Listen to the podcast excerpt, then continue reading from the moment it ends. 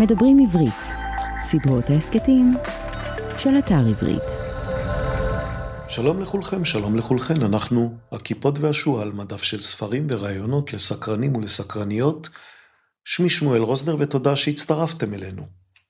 אנחנו היום בקיפשו אקסטרה, כלומר פרק שמחוץ למניין הרגיל. במניין הרגיל יש לנו אורחים שבוחרים ספרים, ויש לנו את שמואל, כלומר אותי שמדבר על כל מיני נושאים.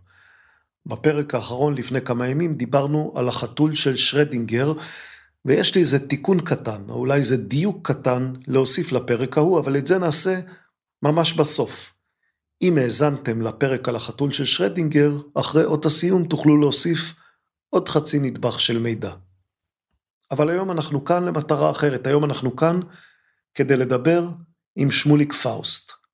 הספר החדש של פאוסט הונח לפני כמה ימים על מדף ספרי הכיפות והשועל, שמו של הספר תהיו חכמים, חשיבה תלמודית למאה ה-21. על כריכתו, כריכתו של הספר הזה, תהיו חכמים, כתבתי בין השאר כך: הטענה של שמואל פאוסט יומרנית, כמעט חצופה. הוא קובע שדווקא דרך החשיבה של התלמוד והמדרש היא המתאימה ביותר להתמודדות עם אתגרים של המאה ה-21. דרך של דיאלוג מתמיד, ויכוח נוקב, יצירתיות נועזת, דמיון פרוע, תיעוד קפדני, דרך שכמו נתפרה לאפשר הצלחה בעולם כאוטי ומשתנה, עולם של אי ודאות, שמתבטלים בו מנהגים ישנים ומתערערות בו היררכיות מסודרות. נשמע לכם משכנע? נציע שני דברים. אחד, קראו את הספר, אולי תשתכנעו. שתיים, האזינו לפאוסט. פאוסט בא לדבר איתנו, אולי תשתכנעו ממנו. כמובן ההמלצה האמיתית שלנו היא לעשות גם וגם, גם את הספר וגם את השיחה. השיחה תיגע בספר, אבל לא תספר את כל מה שיש בספר. בספר יש שיטה שפאוסט מציג בצורה די, טוב, בצורה די שיטתית. הקוד של התלמוד לחשיבה ולדיון. כדי להבין את כלל מרכיביו של הקוד הזה אין מנוס מקריאה. אבל נרגיע מראש, זה ספר קריא, יש בו הרבה חוכמה, יש בו לא מעט סיפורים, יש בו הרבה רגעים של שעשוע. אז תכף נשוחח עם פאוסט, אבל לפני כן כרגיל תזכורות הכרחיות, בואו לבקר באתר שלנו. עוד לא ביקרתם באתר שלנו? kipshu.com, k-i-p-s-h-u.com, kipshu. kipshu זה קיצור של הכיפות והשועל. לחצו על הכפתורים של הלייק ושל השare ושל הפולו בכל המקומות הנחוצים. יש לנו חשבונות בפייסבוק ובטוויטר ואנחנו מתארחים בכל פלטפורמות הפודקאסטים המקובלות. סדרת ההסכתים הכיפות והשועל נעשית בשיתוף עברית, אתר התוכן הספרותי הגדול בישראל המציע לקרוא בכל דרך, ספרים דיגיטליים, ספרים קוליים וספרים מודפסים. החודש תוכלו למצוא בעברית גם את פאוסט וגם את אומנות המקל והגזר של אורי גניזי. זה עוד ספר חדש שלנו, תוכלו למצוא גם את הספרים הקודמים, שבע אגדות שלנו של עופר אדרת, חי של קרל זימר, התמונה הגדולה של שון קרול, עשרה קיסרים של ברי שטראוס ועוד ועוד. ועכשיו לשמואל פאוסט, שמואל שנקרא לו שמוליק. נדבר איתו על דמיון ועל היררכיה, נדבר איתו על רב זיירה ועל רבי יוחנן, נדבר על חילונים ועל תלמוד, על קשרי הציצית, על מדרש ועל הייטק, על הגניוס היהודי, על הדתה, וגם על החוצפה של אחד רמי בר תמרי. מי זה רמי בר תמרי? לכו לפומפדיטה, ושם, שם תשאלו.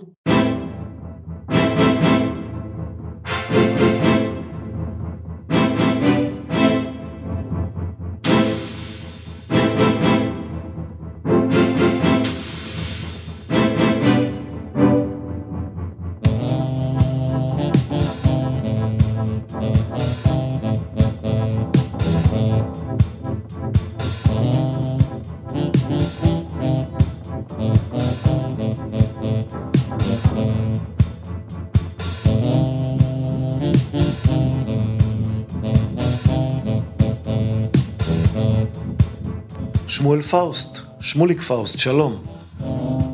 שלום שמואל. זה שמואל או שמוליק, או שאתה מעדיף דוקטור פאוסט? רק כשזה מתואם באיזה תעודה או כשזה מסמך רשמי. תהיו חכמים זה משהו שאפשר אה, לקרוא כציווי, כתקווה, או אולי אה, כתחזית, אולי זו תחזית. אה, אז מכולם, נדמה לי שאם, לו רצינו שזה יהיה ציווי, אז צריך היה לדייק את זה להיו חכמים. אה, תהיו זה, זה סוג של תקווה, ויותר מזה הייתי אומר של עידוד. לא, אבל אולי תחזית במובן זה של אם תקראו את הספר, אזי תהיו חכמים. אז אתה יודע, עורך הסדרה, כיפות והשועל, שבה יצא הספר, כתב על גב הספר, אה, שיש כאן איזה הצעה יומרנית.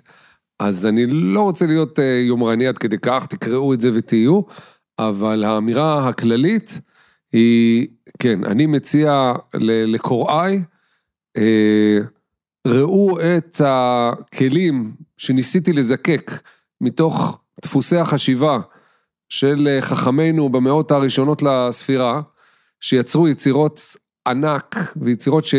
די אין להם אח ורע בתרבות בכלל, ותוסיף על זה שאחד הדברים המיוחדים שהם עדיין נלמדות, כבר 1,500-1,800 אה, שנה ללא הפסקה, אה, ואם אנחנו נתבונן בצורות החשיבה שלהם, נשים רגע בצד את התכנים ומי בדיוק אמר מה ובאיזה הקשר הם נאמרו, אבל רק איך הם חשבו כדי ליצור, כדי לחשוב, כדי להתדיין, אה, אז אנחנו קוראים להם בשם החיבה חכמים, או חכמינו זיכרונם לברכה, אני חושב שאנחנו נוכל להיות חכמים של המאה ה-21, של, ה, של מציאות חיינו היום, האתגרים שאיתם אנחנו מתמודדים היום בכל תחום, אה, תוך אימוץ של כמה מדפוסי החשיבה האלה, או מכלול של כלים שיש כאן, כלי אה, חשיבה, שאולי יותר מכל מתאימים דווקא לתקופה שבה אנחנו נמצאים עכשיו. כמה נוצר קושי מזה שאנחנו מדברים כל הזמן על חכמים, ולא מדברים על חכמות, כי, כי זה מה שהיה אז לכאורה? אה, קושי אפשרי, משחק המילים שמסתתר כאן, שתהיו... כן, לא, משחק, משחק המילים לא היה מתאפשר אה, אה אחרת. כלומר, תהיו כמו חכמים, שזה הכינוי לקבוצה הזאת, לאליטה הלמדנית והיצירתית הזאת, אז משחק המילים לא היה מתאפשר אחרת. אה, ותראה, אני חושב שעדיין אפשר אה, להסתמך בשפה על השם הכולל, אה, למרות שכן, בהחלט אנחנו יותר ויותר משתדלים, האמת שזה יוצר סרבול גדול בשפה. אנחנו רואים את זה בכתיבה והצורך אה, להכפיל, כן, הכיפות והשועל, מדף לסקרנים ולסקרניות. עכשיו, אני למשל, לאורך הספר, אה, כיוון שאני לא אוהב את ההכפלה הזאת, מה שניסיתי לעשות זה שבכל פעם שאני לא מדבר על אנשים ידועים, בדיוק פשוט להחליף. להגיד, אם את מנהלת ואם אתה אה, גנן, אה, וכן הלאה, ולא... אה, כן, ולא לייצר כאן איזה משהו שהוא באמת אה, מגדרי באיזשהו כן, אופן. אבל אני שואל את השאלה הזאת בין השאר משום שיש מקומות שבהן עדיין יאמרו לך שחכמים, כי התלמוד אה, היא שיטה שנוחה למוחו של הגבר ולא למוחה של, של האישה. נדמה לי שאפילו במקומות כבר, אפילו במקומות יותר קיצוניים כבר פחות יגידו את הטיעון הזה, אבל תראה בוא נפריד אה, לגמרי, טענות סוציולוגיות והתגלגלות אה, היסטורית של העניין. כי דווקא כשאתה אומר, האם התלמוד הוא נושא בתוכו חשיבה גברית, אז מחקרים, מחקרים אה, בארצות הברית, אתה יודע, פרופסור בויארין, אחרים כתבו דווקא על החשיבה הנשית, ובכלל על ההירו, על הגיבור של הספרות הזאת, התלמודית, שהוא גיבור נשי. אם מאמתים את זה מול עמיתיו במרחב, היווני-רומי, ובמזרח, בבבל ואחרים, הם אנשים, הם גברים, אתה יודע, הם לוחמים אימפריאליסטים, הם הדמות הגיבור, ואילו כאן זה איש, איש תם יושב אוהלים, מישהו של... הדין, התיאור שלו הוא הדין, העיסוק שלו הוא הדין, וכשהוא נלחם, אז זה מה שנקרא מלחמתה של תורה, כלומר, הוא, המאבקים שלו הם מאבקים אינטלקטואליים.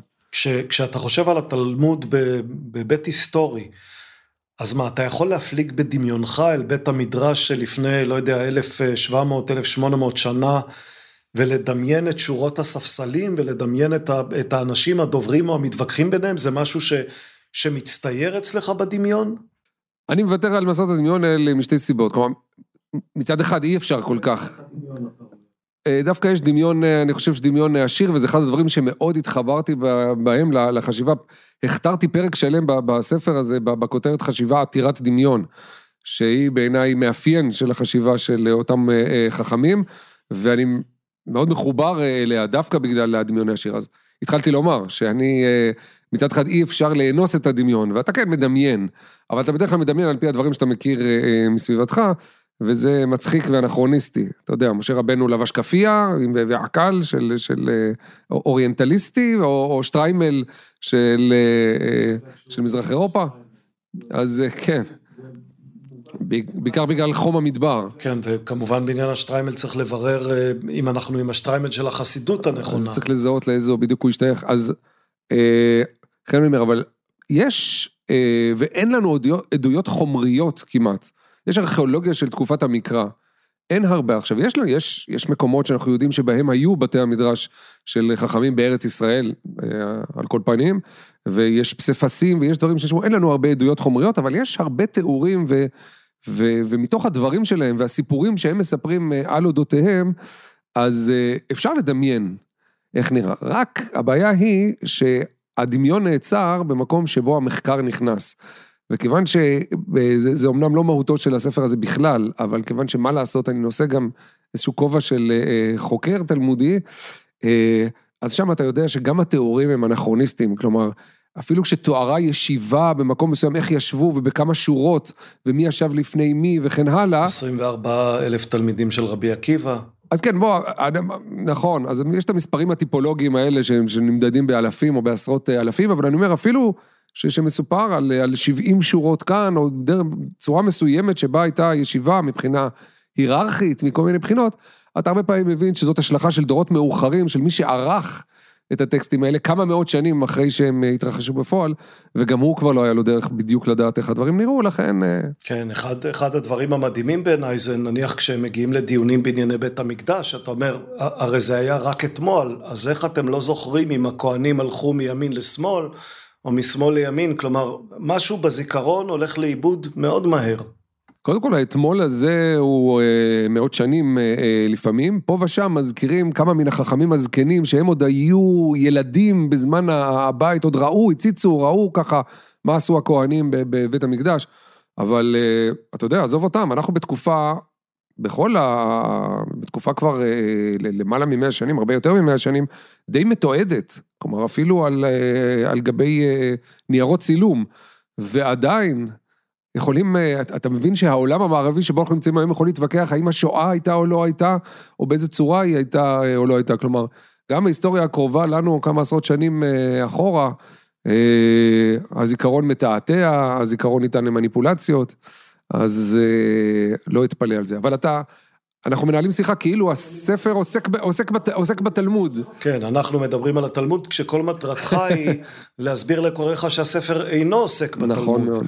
זה, זה בגלל שאתה חושש שאם תאמר תלמוד אז יהיו קוראים שמיד יברחו אחורה מהדבר הזה? זה לא בגלל, קודם כל, זה לא בגלל שאני חושש שאם אני נגיד תלמוד וכו', לספר קוראים, אה, כן, תהיו חכמים, חשיבה תלמודית למאה ה-21, והיצירות של חכמים, המדרש והאגדה והתלמוד, ונוכחות בו בכל עמוד כמעט.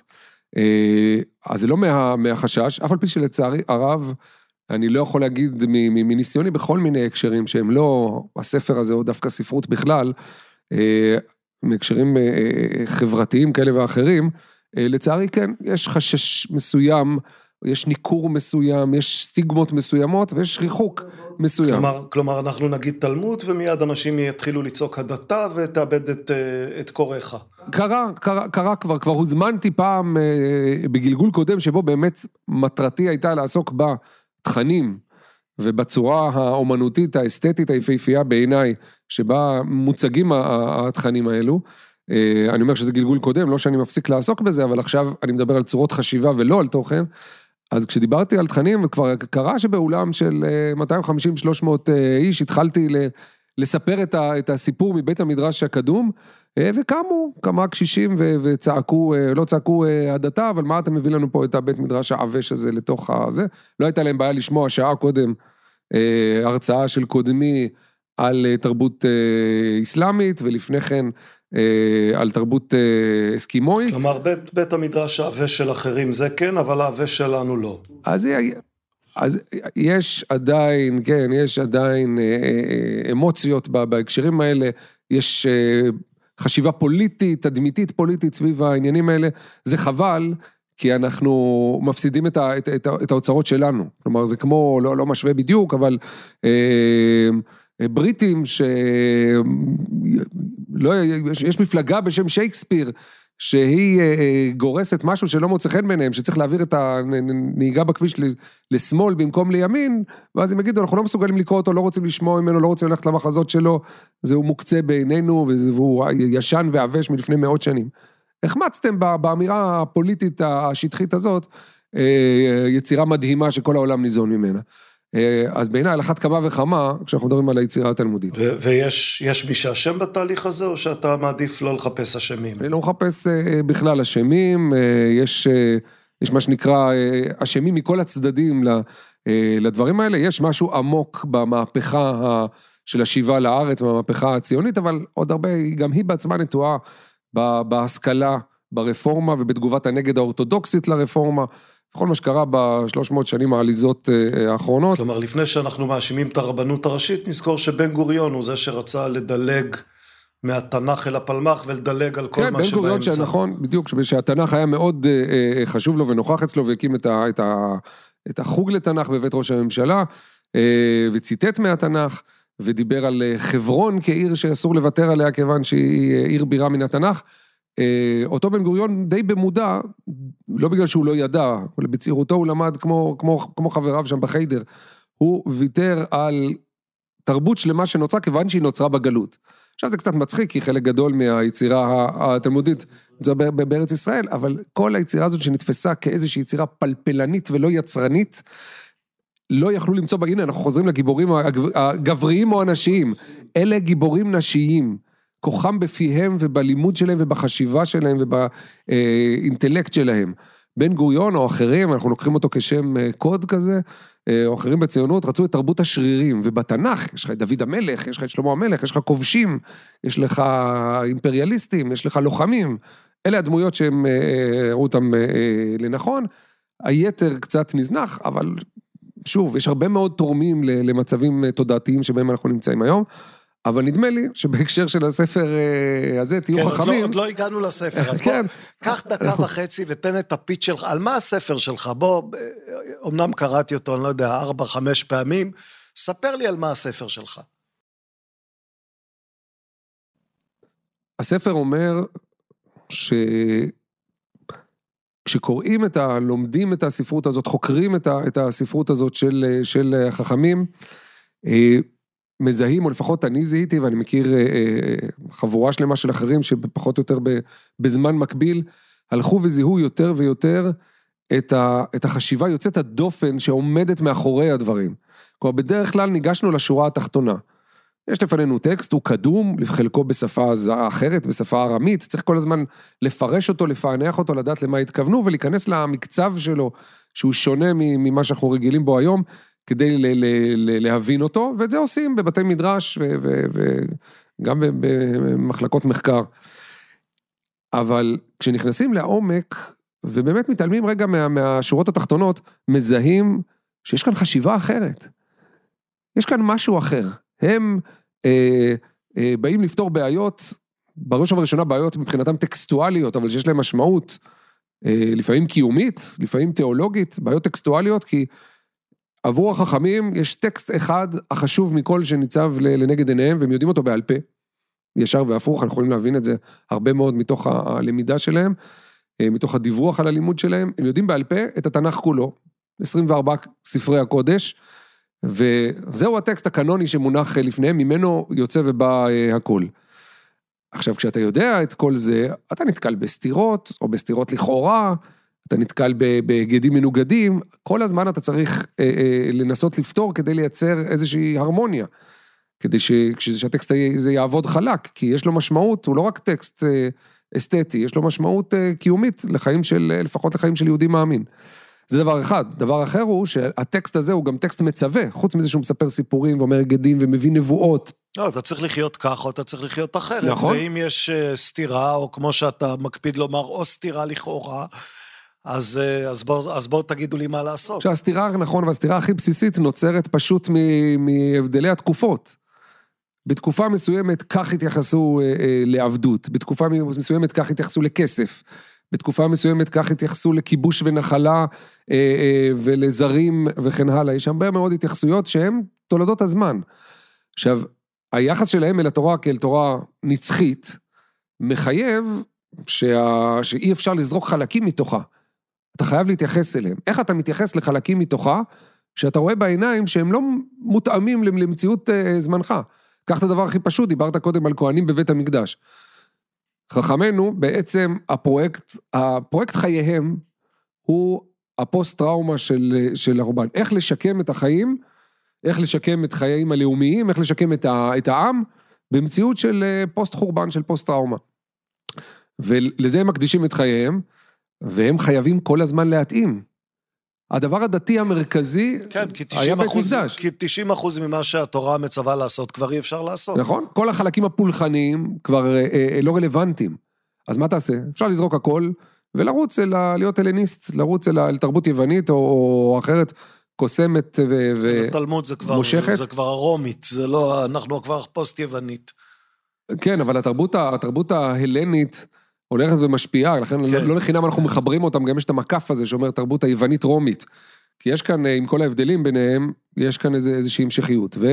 ובכל אופן, חכמים אה, רוצים להישאר כ- כלאום היהודי, הזהות היהודית שלהם חשובה להם מאוד, וגם השליחות של לה- להמשיך אותה ולהנחיל אותה הלאה.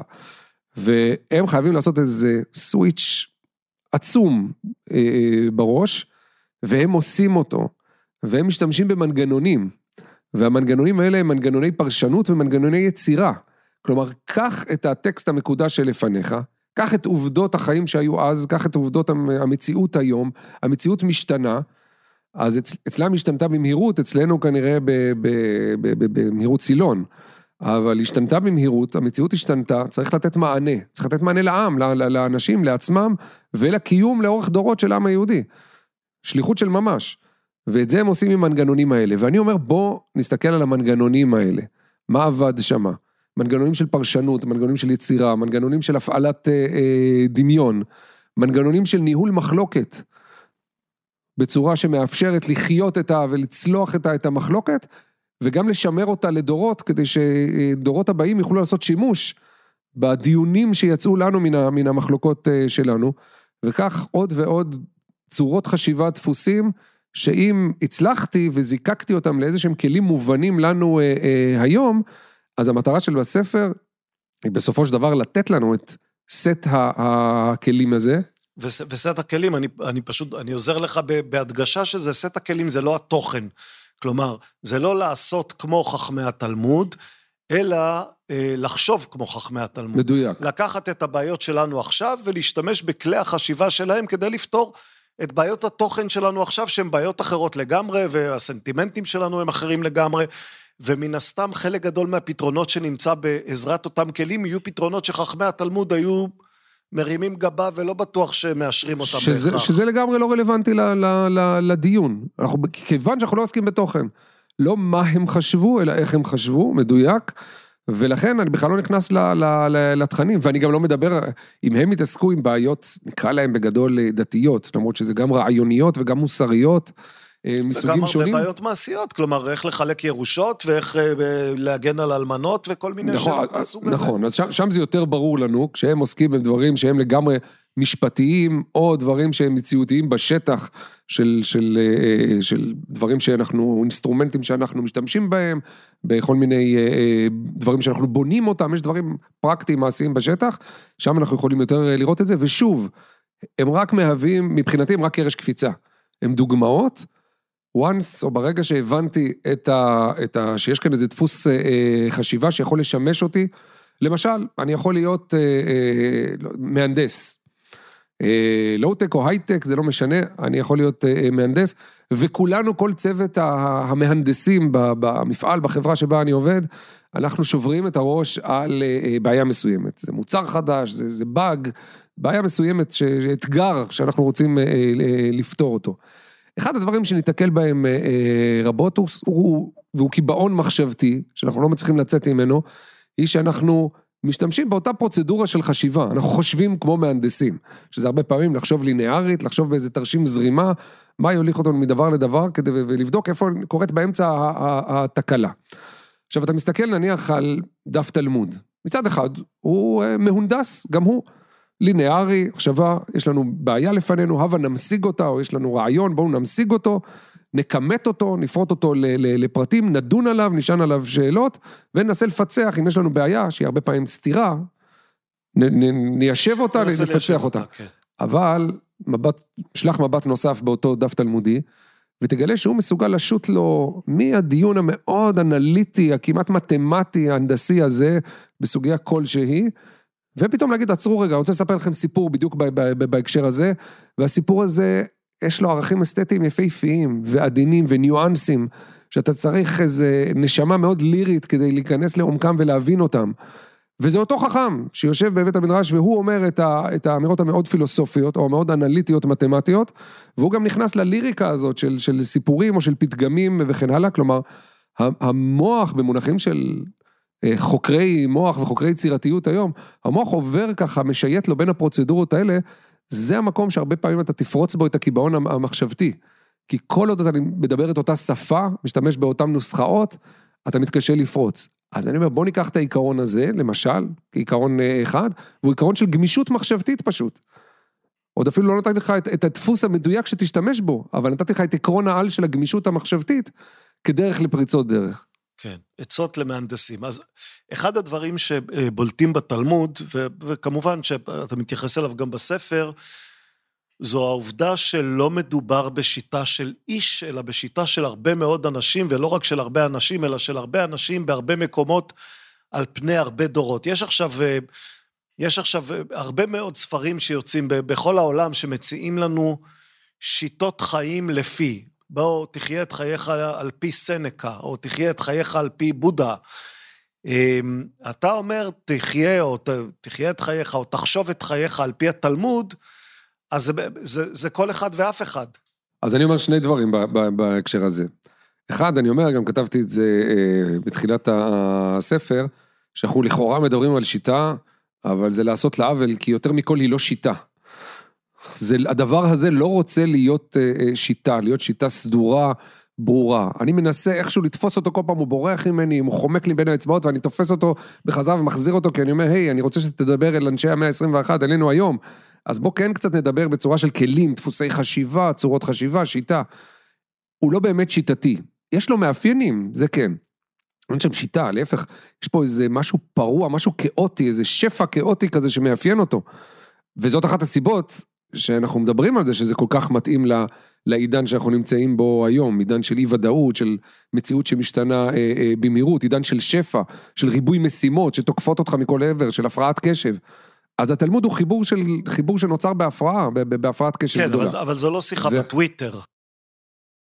לא, היא שיחה מאוד אה, אה, עמוקה, אבל היא, היא, היא ואני, ואני לא בא לפתור לצייצני טוויטר את, את הניסוח של הציוץ הבא שלהם, אלא לפתור או לעזור לאנשים להתמודד עם אתגרים מכל הסוגים, אבל אתגרים של, של ממש, שדורשים חשיבה.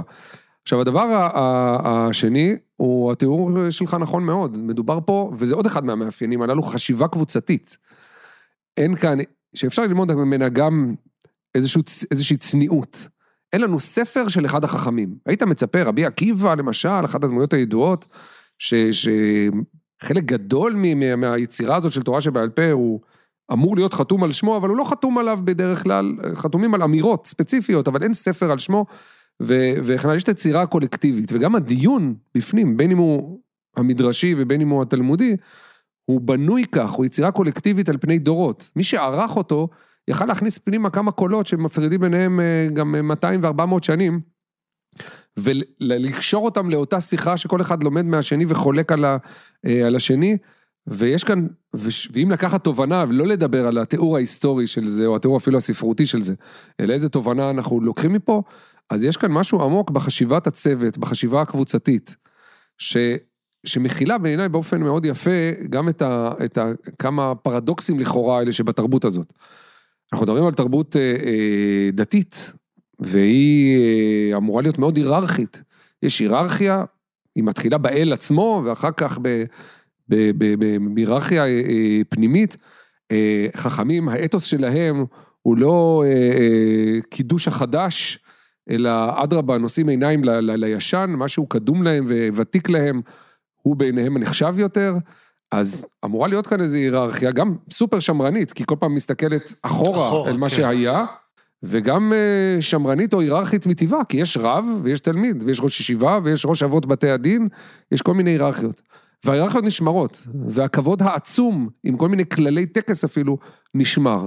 ובה בעת, אתה רואה את מה שהם עשו בדיונים שלהם, ואתה קורא את הסיפורים שהם מספרים על עצמם, ואתה רואה שכשמדובר באמת, כלומר, איך אנחנו מבינים את הטקסט, איך אנחנו אה, פותרים בעיה, ההיררכיות נעלמות. כן, נותנים דין וחשבון להיררכיה, אבל תלמיד צעיר יכול להעמיד את רבו הגדול במקומו, לומר לו איזו דקירה ביקורתית כזאת שתעמיד אותו אה, אה, במקומו, לא לשם הדיון. של האגואים כן. ביניהם, אלא כדי שמתוכם יצא ברור של אמת. וזה, כשאתה מנסה להעתיק את זה לאיזה חשיבת צוות בכל הקשר אה, אה, אה, היום, שבה אתה כן מסתכל בכבוד אל, ה- אל העולם הקודם. מה שבנו קודמיך, הוא לא מופרך רק בגלל שהוא ישן, ואנחנו כבר בדור 2 ודור 4 ודור 6, וכל מה שהיה לפני כן הוא, הוא מופרך, ואני כבר רץ קדימה, ועולם ישן, אה, עדי היסוד נחריבה. אלא, אני כל הזמן שומר קשר עין עם המקור, אני כל הזמן מכבד את מה שיצרו קודמיי, ואני יודע שאני נישא על גבם, אני עומד על כתפיהם. לדעתי, אגב, זה הבסיס לכל חדשנות אה, שהיא, חדשנות היא לא יש מאין, היא לא באה מה, מה, מה, לא קלוטה מהאוויר. אתה בונה על מה שהיה קודם, אבל אז מייצר את, ה, את הטוויסט הזה, מגייס פתאום חשיבה ממקום אחר לגמרי, או דמיון שלוקח אותך לכיוונים אחרים לחלוטין, ומהם מוציא את הדבר החדש שנכון לעכשיו או נכון ל, ל, לעתיד. כש, כשאתה מסתכל על מערכת החינוך הישראלית ועל uh, התלמידים הלא ממושמעים והמורים הנאנקים, אז אתה אומר, הנה, הנה המסורת שלנו מוצאת את ביטויה גם במדינת ישראל המודרנית, אין משמעת, אין היררכיה, כל אחד אומר מה שהוא רוצה. חוצפה היא סוג של, אה, היא סוג של דבר שאנחנו סובלים אותו בלי קושי גדול. תשמע, ילדיי גדלו כמה שנים בארצות הברית, אתה משווה בית ספר ישראלי לבית ספר אמריקאי, זה לא דומה. נכון, גם לי היה ניסיון כזה, במשך שנה אחת שילדיי למדו במערכת חינוך בארצות הברית, וזה לא דומה, אם כי מערכת חינוך יהודית, ואז זה קצת כן דומה, אבל אה, תראה... לא, לא דומה, לא דומה.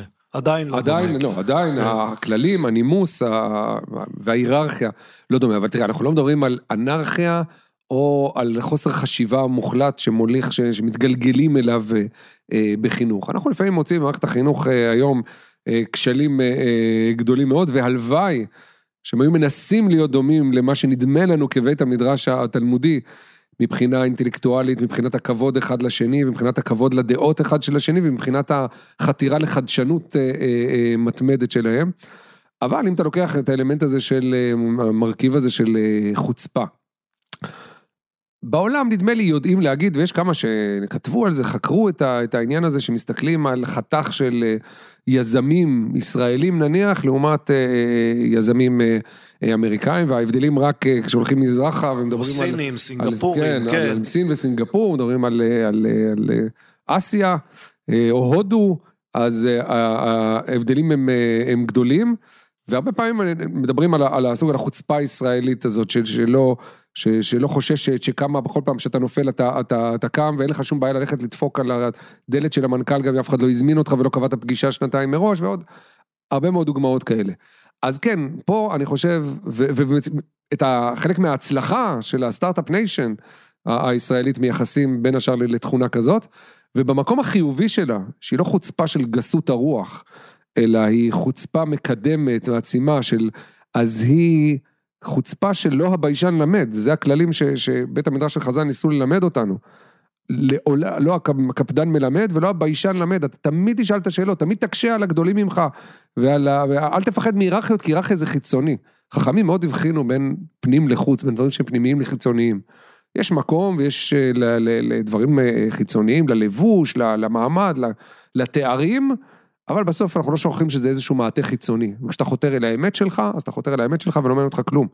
עד כדי כך, אם אנחנו חוזרים לתכנים שלא נכנסו פה לספר, חכמים היו לא מעט חתרניים, גם כלפי אביהם שבשמיים.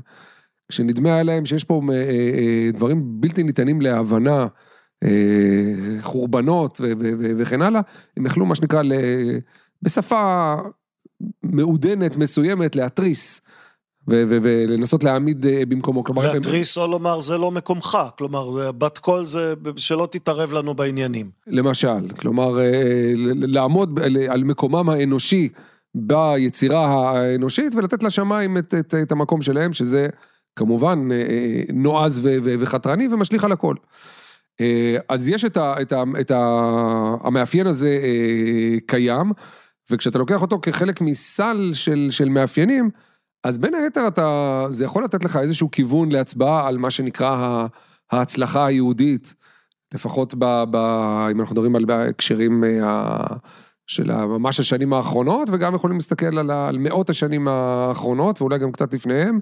אה, יש מאפיינים יהודיים מיוחדים, חלקם ינקו את זה, וזה לא מופרך בעיניי שהם ינקו את זה מה, מהכלי החשיבה האלה ומהאתוס של בית המדרש התלמודי, כיוון שמאות שנים, באלפים, כמעט אלפיים שנה, הם עסקו בזה, העיסוק המרכזי היה בזה, והעיסוק המרכזי של הטובים שבחבורה, מי שלא יכול ואין לו מספיק השכלה, וכל ילד יהודי קיבל איזושהי, בניגוד לסביבה, כל ילד יהודי קיבל איזושהי השכלה, ידע קרוא וכתוב אה, וכדומה, אבל אה, הטובים ביותר, העילויים, הטובים ללימוד, להשתקע בלימוד, וזה אותו לימוד תלמודי. הם, הם יונקים את אותו סוג, את אותם, אותו סוג של תפיסה, את אותו סוג, שאותם סוגי אה, אה, חשיבה ודיון והבנה של המה, איך פועלת המערכת ואיך מתייחסים בתוכה ל... ועל זה יאמר לך מישהו, ומה יצא מכל העילויים האלה? ישבו ופלפלו ולמדו ודרשו, ולא יצא מהם כלום. מתי התחיל לצאת מהם משהו? כשהם עזבו את התלמוד, בעטו בו, ויצאו אל העולם הגדול. אז יצאו מהם פרויד ואיינשטיין. ושאר אה, גאונים יהודים של המאה ה-19 והמאה ה-20, אלמלא בעטו בתלמודם, היו נשארים בישיבה עם הפלפול הזה. אז זה גם נכון וגם לא נכון. כלומר, בהיסטוריה היהודית, יש לך דמויות, יש לך את הרמב"ם, יש לך אה, את רבי שמואל הנגיד. את הרמב"ם, וגם את הרמב"ם, וגם את, וגם יצחק, את הרמב"ם. וגם את דון יצחק אברבנאל, ושמואל הנגיד, ועוד דמויות כדי, אה, ורבי יהודה הלוי, ועוד דמויות, וקרסקס, ועוד דמויות שלא את כולם אנחנו אה, מכירים, אבל כן, בתור ימי תור הזהב של ימי הביניים, אתה יודע, יש הבלחות, יש, יש תקופות, צריך, השאלה היא מתי העולם מאפשר, כשאנחנו נמצאים בגלות, אז השאלה היא מתי העולם מאפשר. אז יש לך אה, יהודים שהיו ראשם ורובם בתוך בית המדרש, נמצא בתוך הספר, ושומרי תורה ומצוות, אבל גם גנרלים, מצביעים, רופאים, חוקרים, מדענים, ומגיעים למשרות הכי גבוהות בחצר המלך או הסולטן, בסביבה עוינת, בסביבה של יהודים קשה, לא, לא קל להתקדם. אז יש לך את זה לאורך הדורות, ויש הבלחות והתפרצויות כאלה ואחרות. נכון שכשזה היה, כשה, אה, אה, הגרעינית הזאת, היא הופנתה פנימה. אז היא יצרה פנימה בתוך התורה, יצרה חידושים מופלאים, והיא יצרה אה, יצירות, שוב, תלוי באיזה דור אנחנו מסתכלים, פנימה, כי לשם זה היה מופנה, בין היתר כי, גם כי הם גזרו על עצמם להיות, להיות בבועה היהודית הזאת, וגם כי הסביבה, הרבה פעמים האנטישמית גזרה עליהם להיות בבועה הזאת. נכון שברגע שנפתחו פה ושם השערים, שחלק מהמשמעות של זה הייתה להיות אה, להשכיל, ללכת אל, אל, אל האוניברסיטאות, ללכת אל המקומות שבהם אה, נמצאים עמיתיהם אה, הגויים ולפעמים קצת להתבולל או לזרוק, כמו שאתה אומר, לבעוט בצורת החיים שבהם, עליה הם גדלו בבית המדרש הישן. אז כן, נוצר עוד מפץ מאוד מאוד מעניין. האינטלקט החריף עם כל צורות החשיבה שהוא המיוחדות מאוד שהוא הביא איתו ועם העוצמה הגרעינית הזאת, פתאום נפגש באינטליגנציה מבחוץ, בעולם ש, שצמא לחידושים ו, ומשתנה אה, בחוץ, וברגע שנתנו להם לפרוץ, ויכול להיות שאתה צודק, ברגע שהם נתנו להציג, השילו מעצמם כמה מהכבלים שתחמו אותם לתוך תחום המושב הצר והמצומצם שלהם, דברים פרצו. בין היתר, כך פרצה הציונות, שכנראה, אמנם ראשי המבשרי הציונות היו רבנים, רבני קהילות, ששימרו את, ה, את העניין הזה של השיבה המשיחית לארץ ישראל, אבל כנראה שהיה צריך כמה שקצת בועטים, קצת מגדלים שרירים וחושים אה, פוליטיים כדי לממש את זה ו, ולהקים פה את, ה, את המפעל הציוני. כן, הזכרת את הרמב"ם, אז בוא נעשה מעשה של חוצפה ישראלית אמיתית ונשווה אותך לרמב"ם. הרי גם הוא ניסה, כפי שאתה מנסה, לקחת את התלמוד ולהגיד, מה אני צריך את כל הדבר הארוך, הקופצני והמתיש הזה? אני אעשה ממנו תקציר. מה אתם רוצים לדעת? אתם רוצים לדעת מה ההלכה? אני אקח את כל התלמוד, אני אחבץ לכם אותו. הרמב"ם גם אומר בפירוש, אני, אני, אני מגיש לכם אותו כתקציר שייתר אותו בעצם מבחינתכם, לא תצטרכו לחזור וללמוד אותו יותר. בא שמואל פאוסט, אה, אלף שנים מאוחר יותר, קצת פחות, ואומר אותו דבר, למה לכם להתייגע בלימוד התלמוד? אני אגיש לכם תקציר של העקרונות שיכולים להועיל לכם בחיים. קראו את ספרי אה, שהוא לא מאוד, אה, הוא לא מאוד ארוך. תדעו מה שצריך לדעת, תשתמשו בו תזנחו את התלמוד לענייניו. אז בואו נשתדל להפריך את כל השאלה ששאלת עכשיו, ונתחיל ב... השוויתי אותך לרמב"ם, למה שתרצה להשוות, להפריך את אז זה? אז אני, אני אתחיל בהפרחה אה, הזאת, בהשוואה אה, הזאת לרמב"ם. פשוט אתה מפחד, אתה מפחד מה יקרה בבית הכנסת בשבת. אה, לא, אני ניצב... זה פחד אני, הסביבה. אני ניצב מול דמות ענק כזאת, ויודע עד כמה לא התחלתי להגיע לאיזושהי רמה של לימוד שלא... עזוב, המרחקים כל כך עצומים שזה באמת לא בר השוואה. אה, כשאני, אני, לשמחתי, יצא לי ללמוד אצל אה, כמה מומחים אה, גדולים בדורנו לרמב"ם, בצעירותי, והם הבהירו לי את הגאונות, זה נקרא לשונו הזהב של הרמב"ם, לראות איך במילה אחת הוא מסוגל להכיל כל כך הרבה, עזוב. ההשוואה היא, היא לא במקומה, אבל אני, אני אגיע למה שרצית להשוות פה בעצם. אה, אמרת, הרמב"ם אמר, אה, אתם, התלמוד הוא יצירה אה, ענקית, היא לא, היא לא נגישה לכל אחד גם, לא לכל אחד יש זמן. אם אנחנו רוצים להוציא מזה את, את העיקר, בואו אני אסכם לכם את זה, והוא כתב את היד החזקה שזה גם, כן, י"ד כרכים. כן, גם, עם זה, גם את זה אפשר לשים כמחסום לדלת. זה, זה, כן, זה חתיכת משקל. יש לדבר הזה, שממשיך ונלמד ועוד ועוד נלמד ועוד נכתבים עליו פירושים, אבל, והוא אמר, אני, אני אסכם, אתן לכם תקציר מנהלים, תקציר ארוך, אבל הוא תקציר מנהלים של מהי ההלכה. זה כדי לדעת מה לעשות ומה לא לעשות בכל מיני הקשרים. אה, אני לא חושב שהוא אמר, הוא לא, הוא מדבר, הרמב"ם מדבר תמיד בשני, בשני רבדים, אה, סוציולוגיים גם. הוא מדבר ברובד אחד אל מה שנקרא תפוחי זהב במשכיות כסף. תפוחי הזהב, האבנים היקרות שמסתתרים בתוך איזו סבכה שעשויה מחומר יקר אבל קצת פחות של כסף. אז הקצת פחות רואים את המתלהבים מכלוב הכסף הזה, החכמים יותר יודעים לחדור פנימה וללקט את, את תפוח הזהב שבתוכו, אז הרמב"ם מתייחס גם לאליטיסטים, הלמדנים, הפילוסופים, החברה המסוגלת וגם אל, אל, אל ההמון.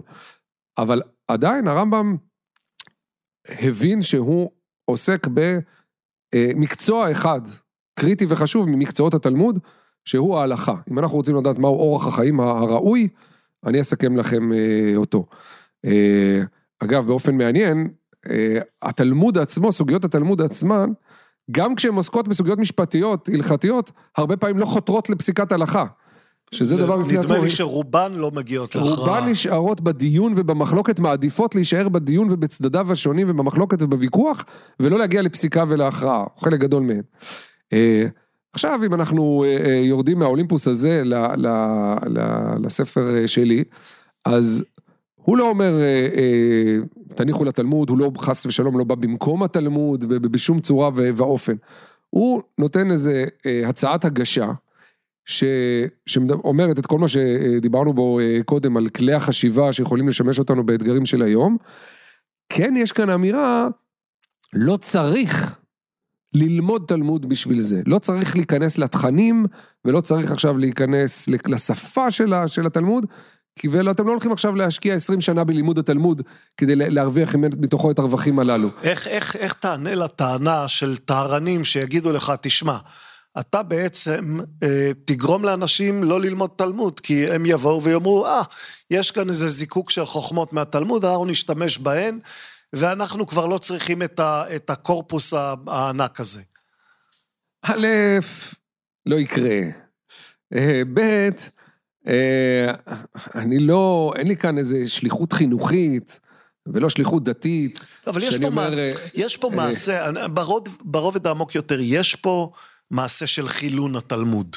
כלומר, אתה לוקח, אתה אומר, כן, יש שם המון תכנים כאלה ואחרים, כן אלוהים, לא אלוהים, כן משיח, לא משיח, כן בית מקדש, לא בית מקדש, כל הדברים האלה הרי לא מעניינים אתכם, כי אתם כבר לא חיים בעולם הזה. אני אגיד לכם מה יש פה שכן מעניין אתכם, שיטות לימוד ושיטות חשיבה חדשות, אני אגיש לכם רק את זה, רק את, ה-best of שמתאים לאדם המודרני החילוני במאה ה-21. לא, אני חושב שים התלמוד הזה הוא כל כך עשיר ורחוק ממיצוי, והוא עשיר לא רק בגלל שהוא אה, רחב וכיף, אלא גם בגלל שהוא אה, עמוס במתודות שונות ומגוונות מאוד, רציתי לומר קודם, יש סיפור ויש פתגם, ויש שיר ויש דיון פילוסופי, דיון של המשגה ויש אה, דיונים משפטיים, ויש סיפורים ויש המון המון המון יצירה לשונית שעוסקת במילים. יש כאן הרבה מאוד מתודות והרבה מאוד ז'אנרים. ו... אגב, כל... שיר זה אתה מצאת. אני לא ידעתי שיש שירים בתלמוד עד שלא קראתי את ספרך ומצאת לי בו שיר. אה, כן, למרות שזאת הייתה רק הצעה איך לקרוא טקסט מסוים כשיר, אה, אה, אבל שיר, כשחכמים מביאים אפילו מדברים של חכם מימי בית שני, שהוא לא בדיוק נחשב בז'אנר שלהם, אבל בן סירה, אז הם יכולים להביא איזה קטע שיר ממנו. בן שירה. מה, כן, בן סירה. מה שעשית עכשיו זו דרשה מילולית יצירתית, ברובד אה, בסיסי שלה, שאיך חכמים עושים, אל תקראי, הם קוראים לזה אל תקרא, אל תקראי בן סירה, אלא תקרא בן שירה.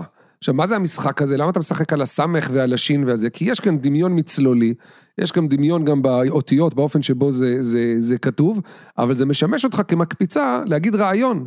להגיד אותו בן סירה שסתם, זה השם ש, ש, שקיבל מאבותיו, אה, אבל יש כאן משהו מהותי על זה שהוא היה אה, משורר. אז יצרת רעיון, תמכת אותו ב, ב, ב, בשם תוך כדי יצירת מדרש יצירתי, הפנמת את חלק מהחשיבה היצירתית התלמודית במה שעשית עכשיו. כשהבנתי שאתה רמב"ם, גם אני רציתי להיות משהו. אז אה, אתה יודע, אמרתי, הזכרתי בכוונה, הזכרתי קודם שמואל הנגיד, יש שמות... שכן, שאפשר כן, אז דיברנו על, מעשה, על מעשה החילון הזה. אז מעשה, אז אני אומר ככה, אני, אני, אני רואה בזה כמעט ההפך ממעשה חילון. אני מבין בדיוק למה אתה מתכוון שאתה קורא מעשה חילון, בעיקר כי אני משתמש במושגים, וגם שם על אותו דף יכול לשים את איינשטיין, את צ'רצ'יל, את uh, ריד הייסטינגס, מנכ"ל נטפליקס. ו- ומישהו ממעבדה בגוגל ולשים אותם על אותו דף עם uh, רבי יוחנן וריש לקיש ו- uh, ואחרים, כי את כולם אני מגייס כדי לומר את, ה- את, ה- את האמירה שאותה אני רוצה uh, לומר באותו פרק. וזה לאורך הספר כולו. אז יש מבט, כמו שאמרת, טהרני, שיכול לראות בזה איזשהו חילון. אבל האמירה שלי היא לא, שוב, היא בכלל לא באה להחליף. את לימוד התלמוד בשום צורה, ולא מתייחסת לזה כאיזה פרויקט חינוכי שאומר, רגע, אני, אני רוצה למשוך אותך לתוך עולם התלמוד, או לא למשוך אותך לעולם התלמוד. כל אחד יעשה אה, אה, כהבנתו. אני ממליץ מאוד אה, אה, ללמוד משנה, מדרש ו, ו, ותלמוד, זה פרויקט בפני עצמו. כרגע, אבל האמירה שלי היא שכל אחד באמת לוקח לזווית שלו.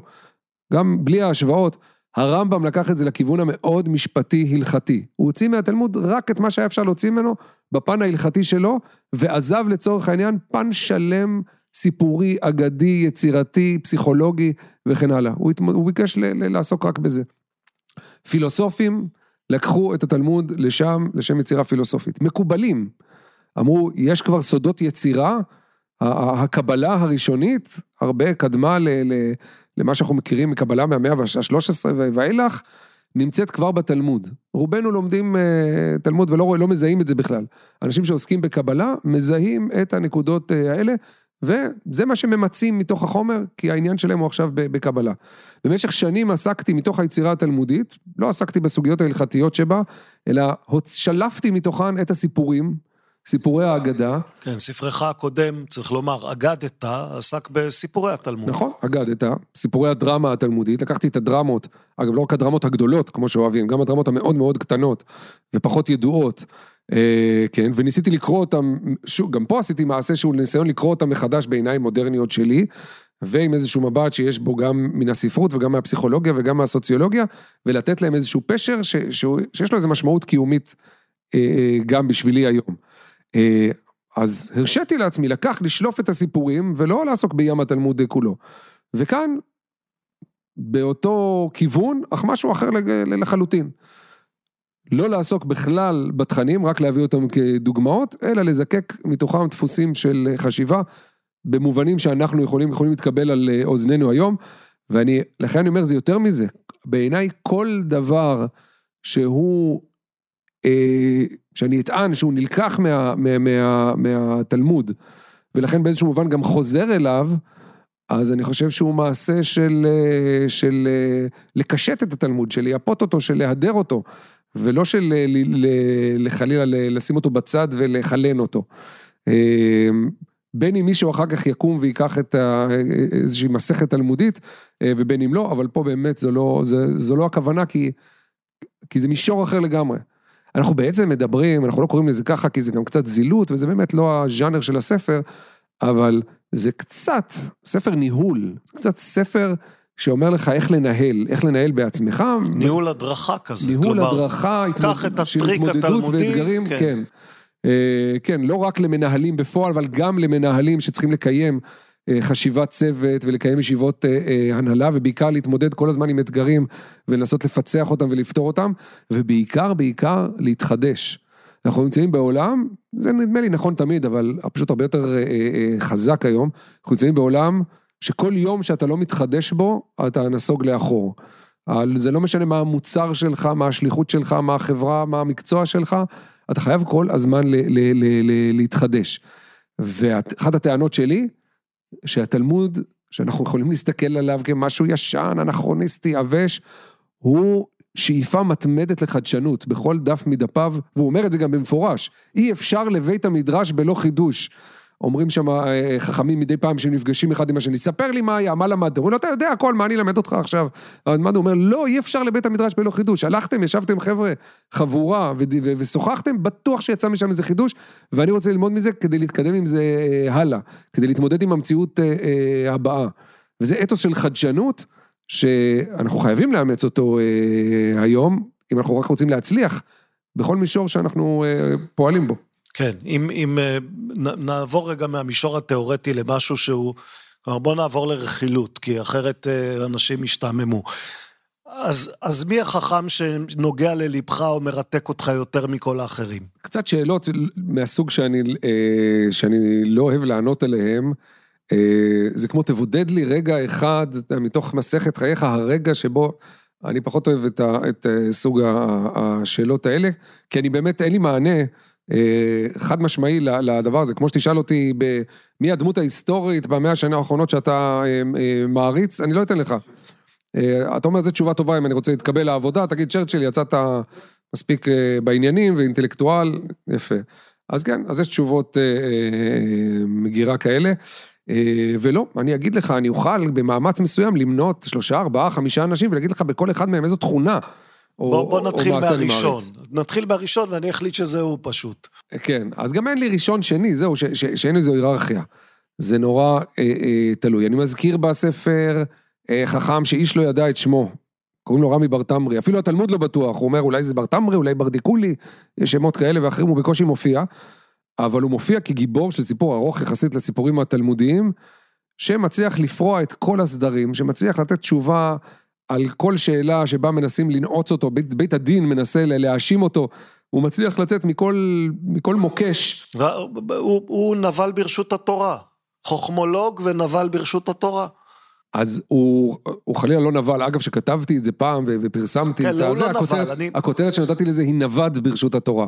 כי הוא נווד שנודד בין שני מקומות, בין שני מקומות מרכזיים בין שתי ישיבות בבבל. אבל, אבל העיקרון שמנחה אותו זה שהוא זה שיודע תמיד למצוא את, הסד, את הסדק בין שתי הלכות, ולהיכנס בסדק הזה, ובעצם לעשות את הדבר שהוא כאילו אסור, אבל הוא יודע להסביר למה הוא מותר. יש לו הסבר לכל דבר, ושוב, אני, זה חוזר קצת לפנימיות וחיצוניות שדיברנו עליה. אתה מסתכל על בן אדם אה, אה, חיצוני, כלומר בית הדין שמסתכל על בן אדם חיצונית ואומר, למה אכלת את הדבר הזה, הוא אסור. אז הוא יוכיח לך שהוא מותר, גם אם זה לא נשמע כך. למה אתה לא אה, אה, אה, מניח תפילין?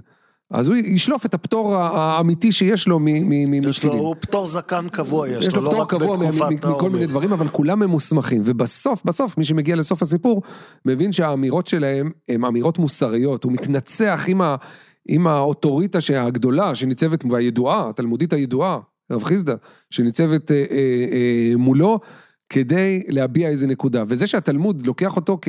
לרגע אחד, בדף אחד שלו, לגיבור שלו, לגיבור שמצליח לעשות את זה ולא מוקיע אותו כ, כנבל ברשות התורה, אלא להפך, נושא אותו על כפיים כמישהו ש, שהיחס שלו לזולת והביקורת שהוא מפעיל כלפי האוטוריטות שמולו, גם אם הן גבוהות ביותר, היא, היא, היא לא חתרנית לשמה, אלא יש לה גם איזה אה, ערך מוסרי איתה, הוא הופך לגיבור.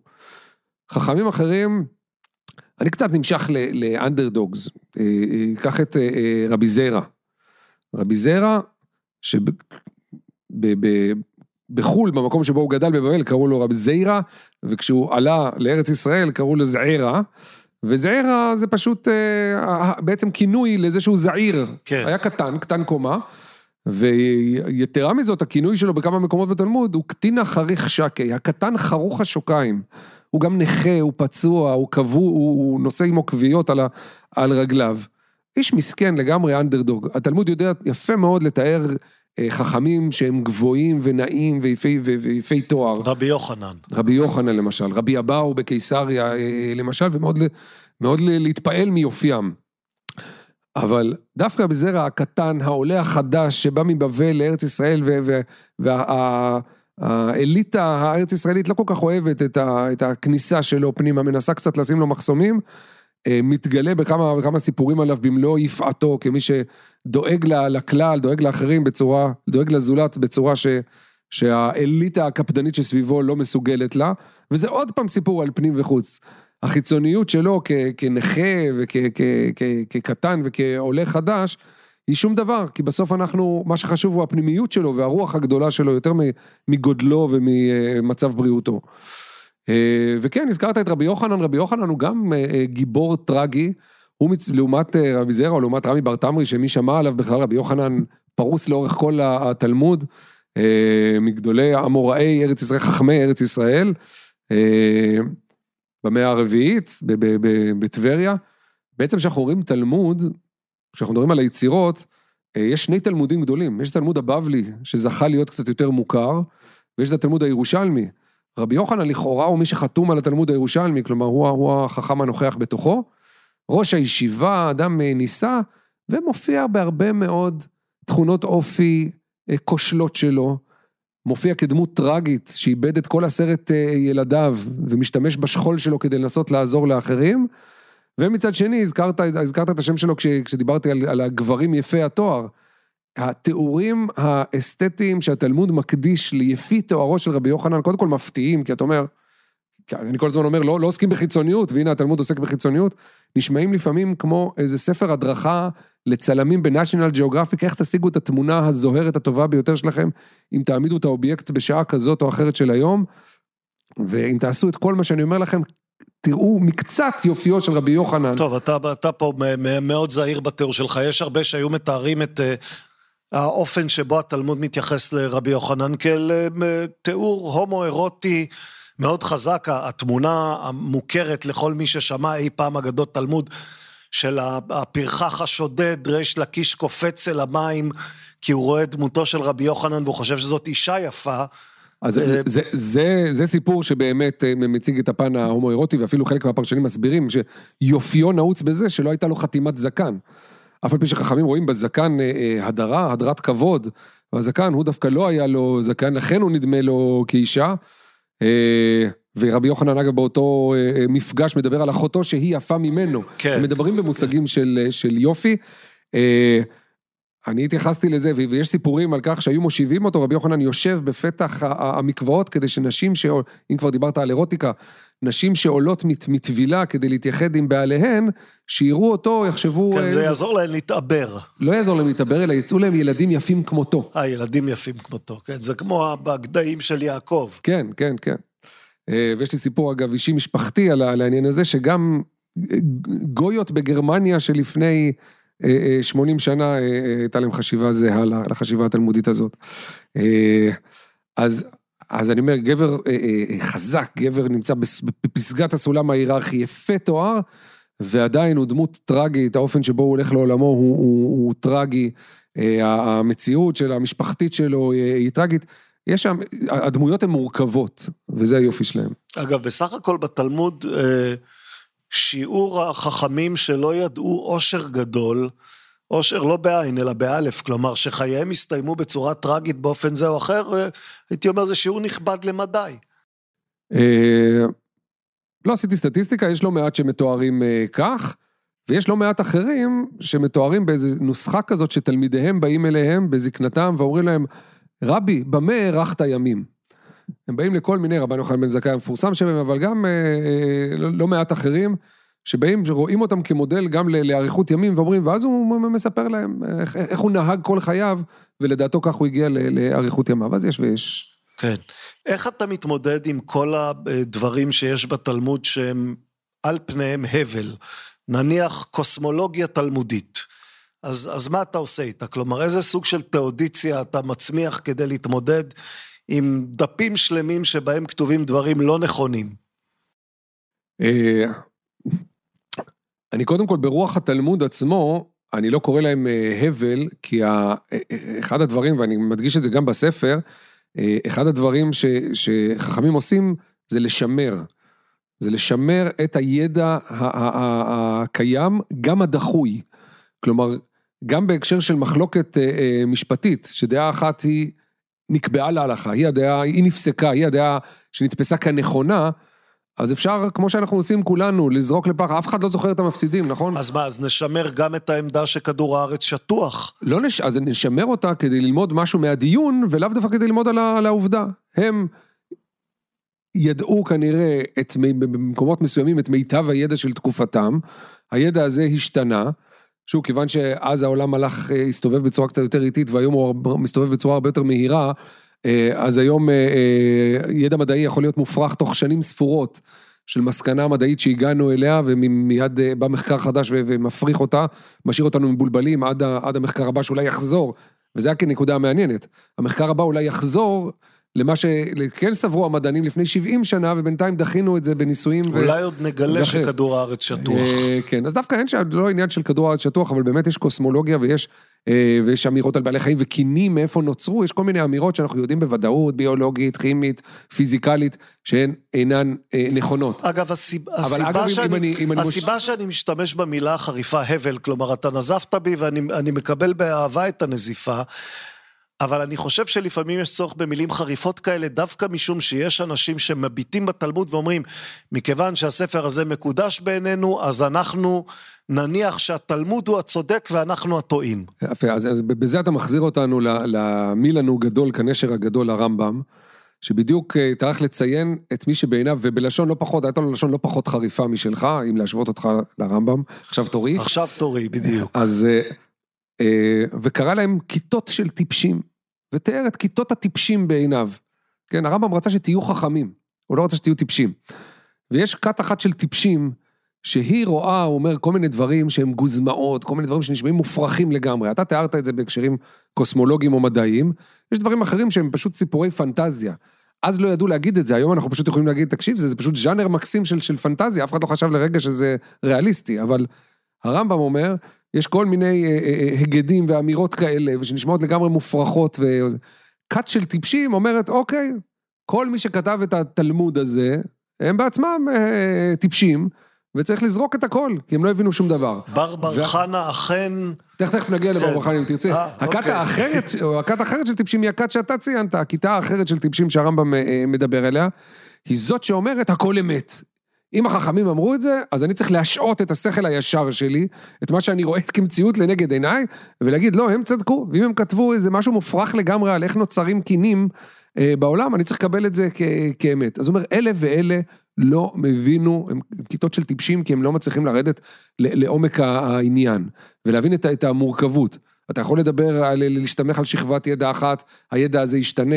העיקר שיש לך את, ובזה אני חוזר גם קצת אה, במחילה אה, לספר, שהעיקר שאתה חוזר לצורת החשיבה. כלומר, אוקיי, זה המידע שנתון לפניך, זה התוכן שנתון לפניך, אבל אם יש לך את המנגנון הפרשני, המנגנון היצירתי, אתה תתגבר על זה, אתה תדע להתאים, לעשות את ההתאמה. אבל, אני חושב שיש פה לקח מאוד חשוב, אל תזרוק את זה, אל תעלים את זה. שוב, אם אנחנו חוזרים לספר ניהול, זה כמו שאני אגיד לך כמנהל. אתם מקיימים דיון, כבר חודשים אתם, אתה אוסף את הצוות הפיתוח שלך ומקיים דיון בנושאים מסוימים. אה, זה רוב הידע שעולה בדיון הזה, אף אחד לא זוכר אותו, אף אחד לא יזכיר אותו, ובשנה הבאה אתם תקיימו את אותו דיון ויעלו את אותם רעיונות קרוב לוודאי, ואפילו יתפעלו מהם ואף אחד לא יזכור שהם בעצם כבר נאמרו ודבר לא נעשה איתם, שזה רק עניין של תיעוד ושימור, וקצת עניין של היררכיה. כלומר, אוקיי, יש איזו דעה אחת שהיא הופכת להיות הדעה הדומיננטית, בין אם בגלל שהיא היררכית, היא נאמרה על ידי הבוס, או שהיא נאמרה בצורה יותר אה, נוכחת, ואנחנו כולם הולכים אחריה. ואת הדעות האחרות, שאולי באמת לא רלוונטיות היום, אבל יהיו מאוד רלוונטיות למוצר שנפתח בעוד אה, שמונה חודשים, או בעוד שלוש שנים, חבל שלא שימרנו את, ה, את הידע הזה. התלמוד משמר. הוא משמר את הידע הזה, אבל מתוך תפיסה עמוקה. גם בעניינים של מחלוקת קשה, הוא אומר, אלו ואלו דברי אלוהים חיים, שזה כמעט פרדוקסלי, לא נתפס אולי על, על שכלנו כל כך, אבל ההבנה שגם בדברים של, גם דברי המתנגד לי, יש אמת. ואולי גם הם, הם אמת, רק לפעמים אמת לשעתה. היום יותר נכונה האמת שלי, בעוד 200 שנה תהיה יותר נכונה האמת שלו. אלה הם דברי אמת שראויים ל- ל- להישמר. אחרי שאנחנו מן הסתם מבינים שהרבה מאוד דברים, שבאמת אולי היו הבלים, כן נזרקו, כי התלמוד בסוף הוא, אנחנו כורכים אותו היום באיזה 20 הוא גדול, כרכים, ולא זאת ב-200 מוגבל. כרכים, כן, כן, כן. יש לו סוף. כן, אנחנו, אנחנו מתגלגלים כבר יותר משעה, ואני רוצה להשאיר לאנשים זמן לקרוא את הספר. אז, אז בוא נקנח ב, אה, לא, לא. ב, בבר בר חנה. בר בר חנה, רבא בר בר חנה, אה, הוא, אה, הוא חכם אה, תלמודי, הוא דווקא ב- ב- בשונה מאחרים שהזכרתי קודם, מוזכר בהקשרים כאלה ואחרים. תלמידו אגב, תלמידו המובהק של רבי יוחנן היפה, שעליו דיברנו, אבל יותר מכל הוא נודע בסיפורי סיפורי יורדי הים שלו. יש לו סיפורי, הוא בעצם, אפשר לכנות אותו הברון מינכהאוזן התלמודי. סיפורים פנטסטיים על יצורים משונים ויצורים ענקיים, זה הרבה פעמים בממדים, זה יצורי ענק וכל מיני שדים שיכולים לקפוץ מפה לשם. והיפה הוא שכמעט כל סיפור כזה הוא מתחיל ב"בעיניי ראיתי". הוא מספר מה הוא ראה, והוא מספר על, על, על הדמיונות האלה, ובאופן שקשה להסביר אותו, והנה אנחנו שוב חוזרים, קשה להסביר אותו למי שלמד תלמוד דרך העיניים של הרמב"ם. או לדייק דרך עיניים של הגאונים שקדמו לרמב"ם, ואחר כך הרמב"ם ובני דורו הסכלתנים. כי החבורה הזאת הייתה סכלתנית רציונליסטית, הרמב"ם בוודאי אה, נמנה עליהם, ושם קשה היה באמת לדעת איך, איך לפרש את ה... לגעת בדברים האלה. שנראו כמו שטויות, רק אי אפשר להגיד שטויות, כי זה חכם תלמודי וזה כתוב בתלמוד. אבל אה, אם אנחנו מצליחים קצת להשתחרר מה, מהנוקשות, ובית המדרש, צריך להגיד, לאורך מאות שנים כבר קצת קיבל את, ה, את הנוקשות הרציונליסטית, אה, ריאליסטית מאוד, וקשה היה לו עם עולמות של דמיון, כי, כי בסוף אתה צריך ללכת עם זה למכולת, למה זה נועד? מה, מה אני עושה עם זה בסופו של דבר? ורבא בר בר חנה כאילו פתח פה איזה בית מדרש אלטרנטיבי, ואמר מול, הרי דברים מסתובבים בעולם, הם לא היו עיוורים למה שקורה בעולם שסביבם, ויש את אה, סינבד המלאך, אה, הבבלי של אה, זמנם, ויש כל מיני סיפורים פנטזיה, סיפורי פנטזיה כאלה ואחרים, והוא ממציא, מלקט סיפורים כאלה, שבסוף יהיה להם איזה מוסר השכל ש, שמושך אותו לכיוונים שלו, אבל הוא נותן דרור לדמיון ומייצר בית מדרש אחר, והתלמוד טורח במסכת שהיא באמת כולה הלכתית, היא עוסקת בדיני שכנים ודיני שותפים, מסכת בבא בתרא בתלמוד הבבלי. מקדיש מקום רחב מאוד ללפחות 22 סיפורים כאלה, סיפורי דמיון באמת בעיניי מטורפים. ראיתי את המפלצת מלוך נס, כלומר, משהו כזה, המקבילה כן. התלמודית של זה. כן, בדיוק. ומספר, ויותר מזה, באחד הסיפורים המאוד יפים, שבאמת אין לנו זמן, וזה גם לא המקום, וזה גם לא הספר, אבל אה, אחד הסיפורים אה, אה, שאני, שאני עוסק בו הרבה, זה טוב לקנח בסיפור. אחד הסיפורים שאני, שאני עוסק בו הרבה, מספר את אחד מסיפורי הנדודים של אה, רבא בר חנה, הנודד בעולם, חלק זה סיפורים של יורדי ים, הוא בספינה ורואה כל מיני דברים, וחלק במדבר. וזה אחד מהסיפורים שהוא אה, אה, מטייל במדבר ולוקח לו אה, טייעה, שזה מדריך, מדריך ערבי, אה, מסבירים לנו המפרשים, אה, שמכיר את, אה, בדואי, שמכיר את משעולי המדבר ולוקח אותו, והמדריך כנראה קולט שמדובר פה בחכם יהודי, ואומר, בוא אני אראה לך את, אה, את דור המדבר, את האנשים שעלו עם משה רבנו מארץ מצרים בדרך לכאן, אבל מתו בחטאם כן, במדבר. כי לא יכלו להיכנס במסע, לארץ, כן, במסע, באותם כן. 40 שנה. באותם כן. 40 שנה של עונש של, של נדודים ואיסור הכניסה לארץ, מתו שם, אני אראה לך אותם. והוא מוביל אותו לשם. ושם הוא רואה ענקים, הם כולם ענקים, וכדי לתאר כמה ענקים... כלומר, הוא... זה, זה שדה הגופות בעצם, כן, שדה, גופות שדה שנשמרו. היטב אלפי כן. שנים, ואחד מהם שוכב אה, פרקדן, הוא אומר, שוכב על גבו, וברכו מכופפת, והוא אומר, עברתי על, הג... על הגמל, שהגמל הוא גבוה, והוא עומד על הגמל ומחזיק בידו רומח, ולא מצליח לדגדג את פנים הברך של אותו, אותה דמות, אותה גופה מיוצאי מצ... בני ישראל שעלו ממצרים, אה, כדי לתאר עד כמה הוא אה, אה, ענק. ובהמשך הוא רואה שאחד מהם לובש אה, טלית, טלית תכלת. אז הוא קוצץ חלק מה- מה- מהטלית שלו, כי בסופו של דבר, בסוף הוא צבר. הוא לא צבר האמת, הוא עלה מבבל לארץ ישראל, אבל הוא ישראלי. אז הוא לוקח מזכרת. הוא חותך מהאתר ההיסטורי הזה, מאחת הגופות, הוא חותך איזה חתיכה מה- מהבגד, ואז הוא כופה במקום, הוא לא יכול להמשיך לזוז. כולם קופאים שם במקום, והוא לא מבין מה קרה. תחשוב על התמונה הקולנועית הזאת. כל מה שאני אומר, תחשוב אותו, או ת- ת- תדמיין אותו אה, קולנועית, את הסצנות הזאת של הענקים, ושהוא חותך והכל קופא במקום, מסביר לו הערבי, המדריך הערבי מסביר לו שאסור לקחת מה, מהמתים. אם לוקחים, הכל אה, קופא במקום. קופא. תחזיר. אז הוא מחזיר למקום, הם מפשירים, הם, הם יכולים להמשיך את המסע שלהם. ומה מיוחד בסיפור הזה? הסיפור הזה על ענקים ו- ו- וכן הלאה, אז יש שם כל מיני דמויות ענק ו- ובתים עצומים וצפרדעים ענקיות. בסיפור הזה, הוא חוזר עם המידע הזה לבית המדרש. זה הסיפור היחיד שהוא חוזר לבית המדרש, אומר, תשמעו חברים, אגב, מה זו, ראיתי? זו הסצנה הקולנועית שאני רוצה לדמיין. את חכמי בית המדרש יושבים במעגל, ואת אה, רבא בר חנה נכנס, הוא, הוא נכנס- מספר את סיפורו. מצוין, הוא נכנס ומספר להם את הסיפור אה, הזה, ו... והם כועסים עליו, מכנים אותו בכינויים, טיפש, הם קוראים לו חמור. כאילו איך זה, הייתה לך הזדמנות לראות איך בדיוק הם קשרו את הציציות שלהם, אתה מספר שזה, מה, מה ניסית לחתוך את זה כדי, לשמור למזכרת, הייתה לך הזדמנות לשמר לנו את הידע הזה, שנדע בדיוק, אנחנו יושבים שנים לפתור את ההלכה, איך צריך בדיוק לקשור ציצית. חמישה קשרים, שבעה קשרים, מה בדיוק צריך אה, לעשות שם? הייתה לך הזדמנות להביא לנו את זה, ולפתור את מחלוקת בית שמאי ובית הלל הגדולה, ולא עשית את זה.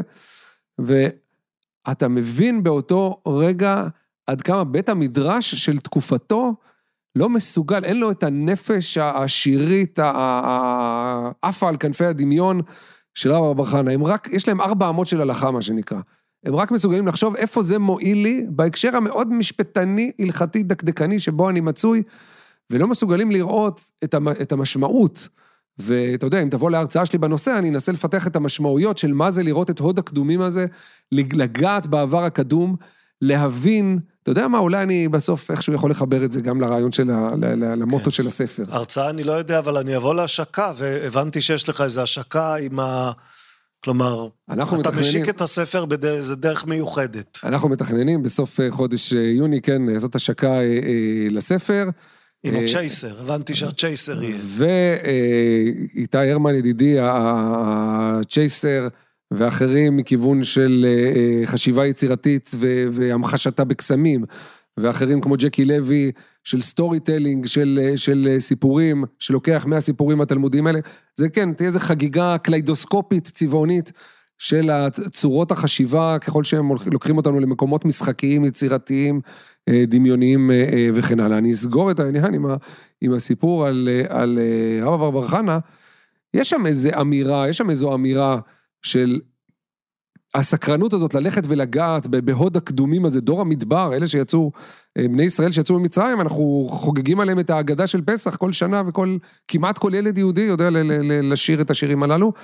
אה, לגעת בהם, לחשוב מה אתה יכול לקחת מהם, אבל אתה לא באמת בעולם מציאותי יכול לחתוך משהו מהם, והוא ישמש אותך עכשיו, בעולם של אה, אלף אלפיים שנה לאחר מכן, ישמש אותך.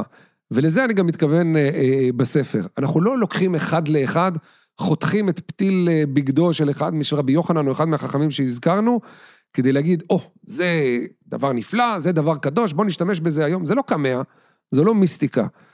אני אומר, נח, כן נחזור אל הוד הקדומים הזה, במקרה שלנו אל, אל חכמי התלמוד. נחזור אליהם, נסתכל, ננסה להבין את הראש שלהם, איך, איך זה עבד להם, כל הדברים האלה, ובמה שטוב לנו ונראה לנו אה, אה, מתאים, נעשה שימוש, לא ההתאמה אחד לאחד, לא להביא את החפץ הקדום, אנחנו לא ארכיאולוגים במובן הזה, אנחנו לא מייצרים מוזיאון, אנחנו מייצרים מכון לחשיבה יוצרת. איך אפשר מכאן והלאה להתקדם בעזרת הכלים ששאבנו משם. שמוליק פאוסט, אנחנו נעשה מאמץ להיות חכמים, נקווה שנצליח. אה, תודה רבה. תודה לך, אני אשתדל לעשות את אותו מאמץ בעצמי. תודה, שמואל.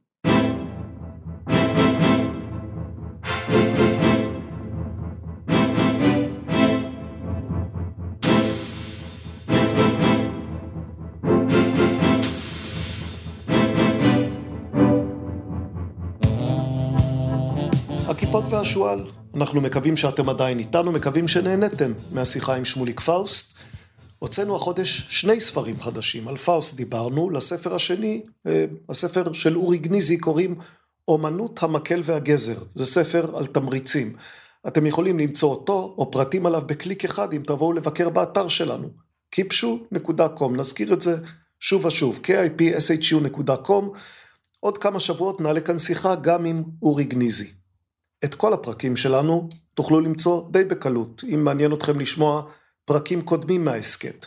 או שתירשמו כמו שצריך לכל הפודקאסטים של הכיפות והשועל דרך האפליקציה שלכם, זה הכי מומלץ כמובן, או שתבואו לאתר שלנו ותלחצו על כפתור ההסכתים, שם תמצאו את כל ההסכתים. האתר שלנו, כבר הזכרנו, kipshu.com. את הספרים של הכיפות והשועל אפשר לרכוש ברשתות הספרים ובחנויות הספרים, אפשר באתר של הוצאת כנרת זמור הדביר, ואפשר כמובן בחנות הספרים עברית. סדרת ההסכתים הכיפות והשועל נעשית בשיתוף עברית, אתר התוכן הספרותי הגדול בישראל, המציע לקרוא בכל דרך ספרים דיגיטליים, קוליים ומודפסים. ועכשיו חוב קטן. הזכרנו אותו בתחילת הפרק. בפרק הקודם, בפרק האחרון של ההסכת, דיברנו על החתול של שרדינגר, זה שהוא גם קצת חי וגם קצת מת. פרק שעסק בגיבורי הפיזיקה המודרנית ובצדדים המסתוריים של תורת הקוונטים. פרופסור יצחק בן ישראל האזין לפרק והתקשר אליי כדי להציע דיוק. בן ישראל, למי שלא מכיר, יחד עם גיא פינקלשטיין, הוא מחבר ספר קודם של הכיפות והשועל לספר הנהדר "האם העולם באמת קיים?" ספר שנפתח בעמנואל קאנט, ומסיים בתורת הקוונטים, כך שאם יש דיוק להציע, בן ישראל הוא בלי ספק האיש להציע אותו. עיקרו של הדיוק כזה, נילס בור, הפיזיקאי נילס בור, אכן מזוהה עם פרשנות קופנהגן. זאת העיר של בור, הפרשנות, פרשנות קופנהגן היא פרשנות לתורת הקוונטים. אבל, וזה הדיוק, הרעיון של קריסת פונקציית הגל בזמן מדידה הוא דווקא לא רעיון שבור תמך בו. נזכיר למי שבערך יודע במה מדובר, חלקיק תת-אטומי לפני מדידה נמצא במצב של סופר פוזיציה, כלומר גם חי וגם מת, אם, אם חתול היה חלקיק תת-אטומי. אחרי מדידה הוא כבר במצב ממשי, או חי או מת. במקרה של אלקטרון, לפני מדידה אי אפשר לדבר על השאלה איפה הוא ובאיזה מהירות הוא נע. אחרי מדידה אפשר לדעת את אחד מהדברים, תלוי מה מדדנו, אפשר לדעת איפה האלקטרון, אבל אז אי אפשר לדעת את המהירות שלו, או להפך. מה קורה במדידה? זאת בעצם השאלה הגדולה שאין עליה תשובה מוסכמת. תשובה אחת היא מה שנקרא קריסת פונקציית הגל. קשה להסביר למה שתהיה קריסה כזאת, בור כנראה העדיף הסברים אחרים. אחד מהם הזכרנו בפרק מלפני שבועיים, זה הסבר השפה. עיקרו של ההסבר, שהבעיה היא ביכולת שלנו לבטא דברים שאינם בתחום ההמשגה הטבעי שלנו. את ההסבר השני אנחנו מוסיפים עכשיו, זה מה שמוכר כעקרון הקומפלמנטריות. ננסה בשפה פשוטה לחלקיק, כמו אלקטרון יש הגדרה, כמו מקום או מהירות, אבל רק ביחס למערכת של מדידה. אם אין מערכת מדידה, אין לאלקטרון לא מקום ולא מהירות, כלומר המקום או המהירות נקבעים למעשה רק כאשר מתקיימת מערכת של מדידה. הנה ננסה את זה באמצעות פסקה אחת מתוך ספר, הספר תורת הקוונטים של יואב בן דוב. אולי זה יעזור להבין אם כי הרעיון הוא באמת מסתורי ו- ודי קשה להבנה. במסגרת תורת הקוונטים, זה מיואב בן דוב, במסגרת תורת הקוונטים אי אפשר לתאר את האלקטרון גם במונחי מקום מוגדר במרחב ובזמן, וגם במונחי הגדלים הסיבתיים של תנע ואנרגיה, משום שיחסי אי הוודאות אינם מתירים תיאור כפול כזה. לדעת בור, זה נילס בור שעליו אנחנו מספרים היום, לדעת בור שני ההיבטים האלה קשורים יחדיו באופן עקרוני. שני התיאורים הקומפלמנטריים הם לא רק בלתי נידדים למדידה מעשית עכשיו, אלא גם אינם יכולים להיות מיושמים ברמה המחשבתית. אי אפשר לדבר על מקום אמיתי במרכאות של האלקטרון, שנבצר מאיתנו לדעת אותו בגלל הצורך לשמור על האטום במצב מבודד. עצם המושג של מקום האלקטרון מתייחס למערך הניסיוני השלם המשמש למדידתו, שבו תוצאת המדידה מתממשת כתופעה ניסיונית.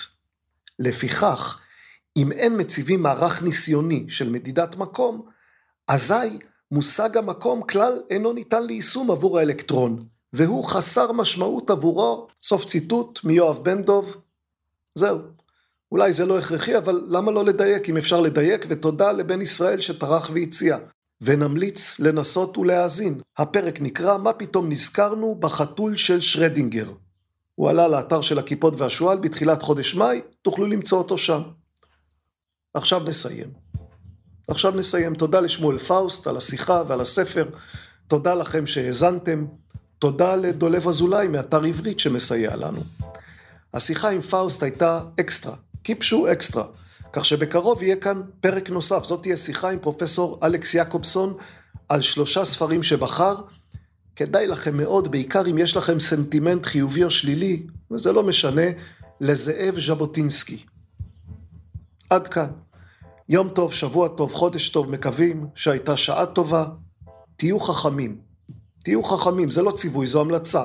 או שאולי תקווה, או שאולי תחזית, שאלנו את פאוסט את השאלה הזאת. בטח, תחזית.